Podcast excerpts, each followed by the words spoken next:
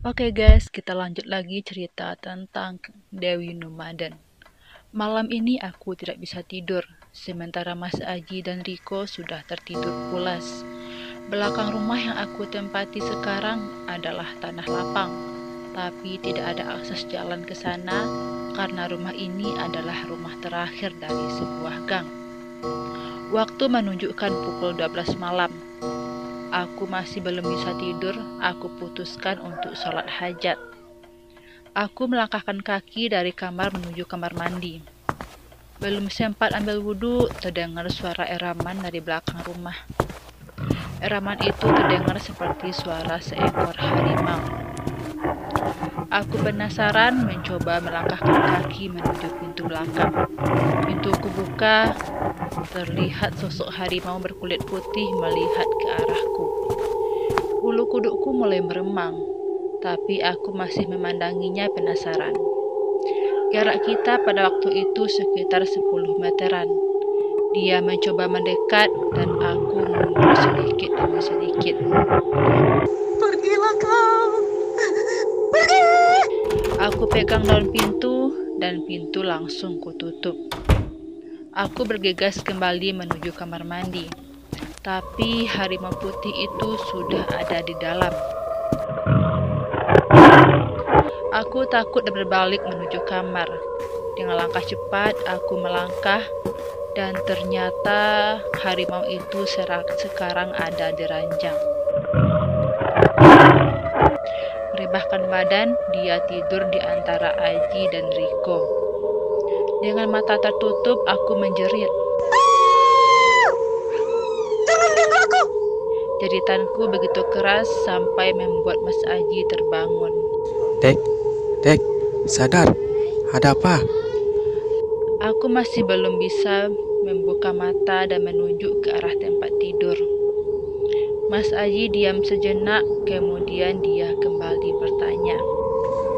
Memang ada apa, Dek? Dirancang tidak tidak ada apa-apa selain Riko. Mas Aji menepuk-nepuk pundakku dan aku membuka mata dan mencoba melihat ke arah ranjang. Yang dikatakan Mas Aji benar, di situ tidak ada apa-apa selain Riko. Sambil menangis, aku menceritakan hal tersebut pada Mas Aji. Mas, aku tadi mendengar ada suara raman dari pintu belakang. Aku penasaran dan membuka pintu yang ternyata ada harimau berbulu putih. Aku memandanginya cukup lama dan langsung lari ke kamar. Tapi sesampainya di kamar, aku melihat harimau itu sudah ada di sini. Itu hanya halusinasi aja. Mas Aji tidak percaya dan bilang kalau aku hanya berhalusinasi. Aku dituntun Mas Aji untuk naik ke atas ranjang. Aku tidur di tengah, Mas Aji di sebelah kiri, sedangkan Riko di sebelah kanan. Mungkin karena kecapean, Mas Aji pun terlelap kembali. Tak berselang lama, Riko menangis begitu hebat dan disusul suara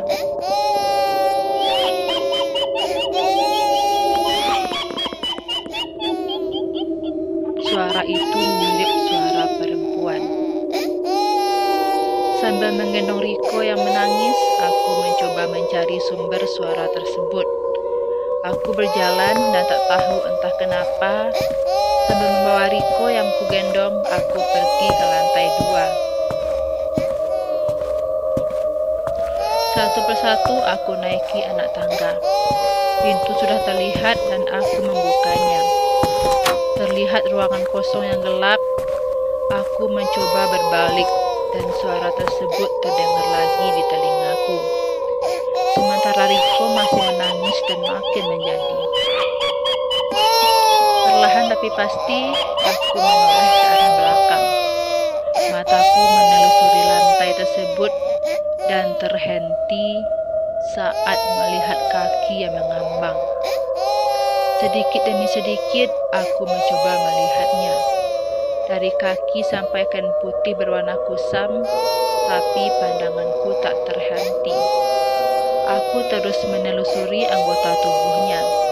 terlihat rambut panjang terurai ke depan, aku makin penasaran dan kulihat dia menundukkan kepala. Dia terdiam dan tak lama menangis. Tak berselang lama keluar darah dari anggota tubuhnya. Darah yang kental menetes sedikit demi sedikit membasahi lantai. Dia menaikkan pandangan dan kulihat wajahnya hancur berantakan. Aku mundur, tapi pintu tiba-tiba tertutup. Aku mencoba untuk membukanya, tapi seakan ada yang menguncinya dari luar. Seketika itu aku langsung jatuh pingsan.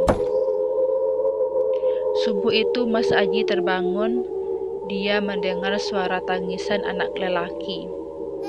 Mas Aji menoleh ke kanan dan ke kiri, tapi kami tidak ada di sampingnya.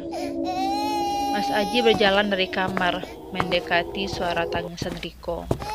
Terdengar suaranya dari lantai dua.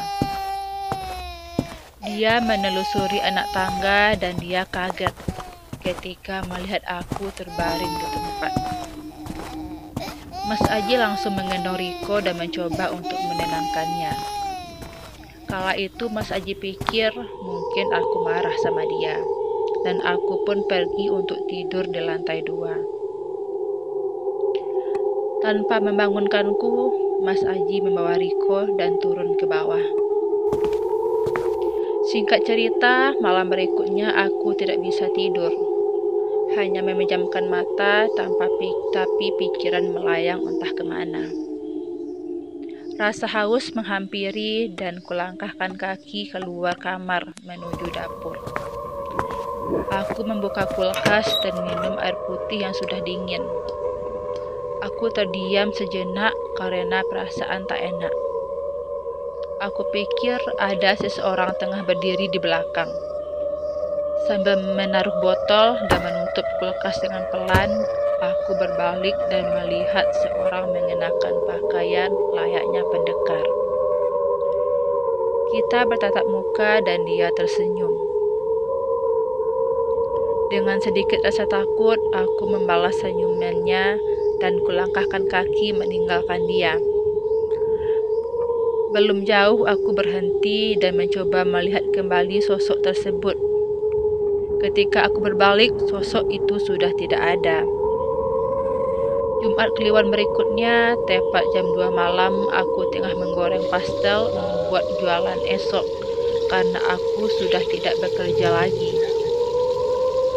Tak berselang lama, sosok perempuan berkaki kuda datang lagi. Aku kaget setengah mati dan refleks mengambil kertas koran yang tak jauh dari tempatku berdiri. Kertas aku bakar dan aku menakutinya dengan api. Sambil mengarahkan api ke sosok tersebut, mataku mencari sesuatu dan aku menemukan garam dapur. Sosok itu aku lempar pakai garam seraya berteriak. Pergilah kau. Pergi. Aku hanya fokus melamparinya dengan garam sampai tak ingat dengan kertas koran yang aku bakar. Api dari koran mengenai tanganku dan seketika aku terbangun. Kali ini aku menyadari bahwa mimpiku adalah nyata. Aku melihat tangan dan ada abu dari koran yang terbakar. Aku pergi menuju dapur dan ternyata pastel yang aku goreng dalam mimpi memang ada dan semuanya hangus karena terlalu lama tak diangkat sampai api mulai memakan penggorengan karena kehabisan minyak.